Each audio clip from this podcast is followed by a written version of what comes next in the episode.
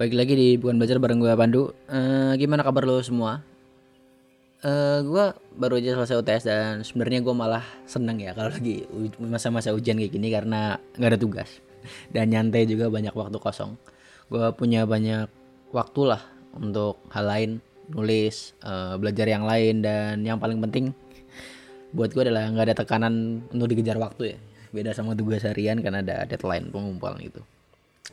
Em, UTS sebenarnya ini eh, semester ini ujian offline pertama gue dan rasanya sama aja kayak semester semester sebelumnya. Nggak ada bedanya lah eh, sama semester semester sebelumnya yang online. Paling gue agak malas aja kalau harus berangkat ya. Karena sekarang musim ujian.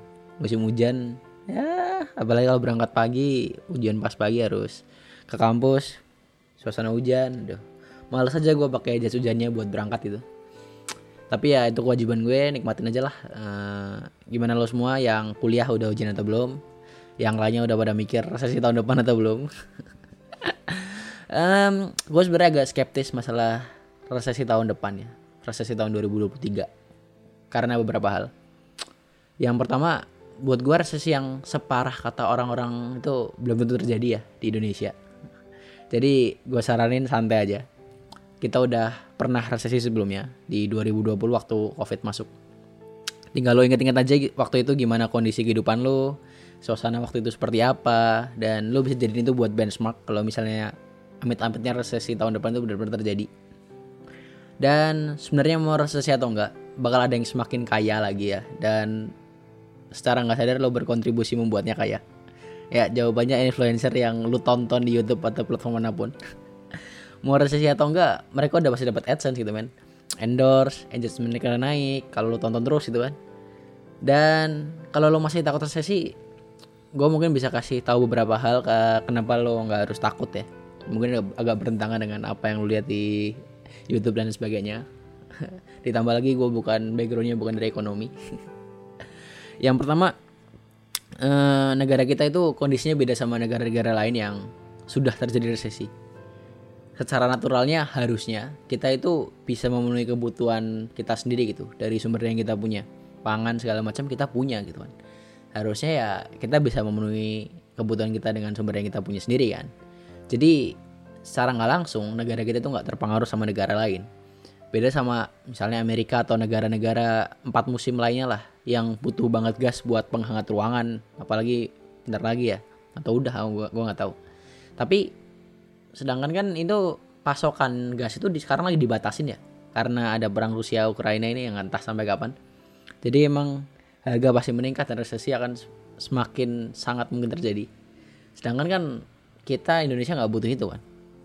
Yang kedua kalau lo sadar saat negara-negara lain saat ini udah resesi ya beberapa negara udah mengalami resesi lo bisa cari beritanya aja.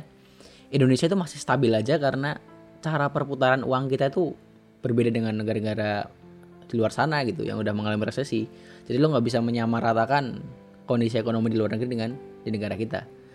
Dan yang ketiga, kalau lo perhatiin juga daya beli masyarakat kita itu saat ini cenderung meningkat gitu kan, bukannya menurun. Lo lihat aja lah, sekarang banyak banget eh, konser dan rata-rata sold out semua tiketnya dengan harga tiket yang ah gila-gilaan lah, fantastis. Westlife, Justin Justin Bieber dan sebagainya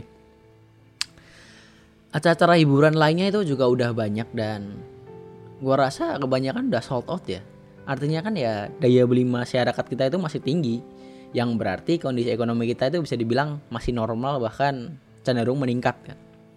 Nggak ada tanda-tanda resesi yang parah yang kayak influencer-influencer yang lu tonton itu katakan itu kan. Jadi apalagi yang lu takutin itu kan. Kalau misal nggak separah kata-kata mereka, Terus buat apa ada ya berita-berita tentang resesi ini kan? Ya selain jadi rambu-rambu buat kita lebih berwaspada lah masalah perekonomian ini. Baik lagi siapa yang diuntungin? Ya mereka yang bikin konten masalah resesi kan. Jadi saran dari gue stop percaya sama apa yang lo lihat di internet tanpa lo cari tahu sendiri berdasarkan pemikiran lo. Lo cerna sendiri informasi dengan kemampuan lo. eh, stop makan muntahan orang lain karena gue yakin lo nggak mau makan muntahan juga kan jadi ya lo punya sendiri lah informasinya lo cerna sendiri gitu jangan lo makan apa yang udah dicerna orang lain yang udah dibuat orang lain gitu kan Tapi ya baik lagi, lo jangan percaya kata-kata gue 100% karena apa yang gue omongin belum tentu bener. Tapi setidaknya gue yakin omongan gue itu nggak salah-salah amat lah ya. Udah gitu aja dari gue balik urusin hidup lo sendiri sana.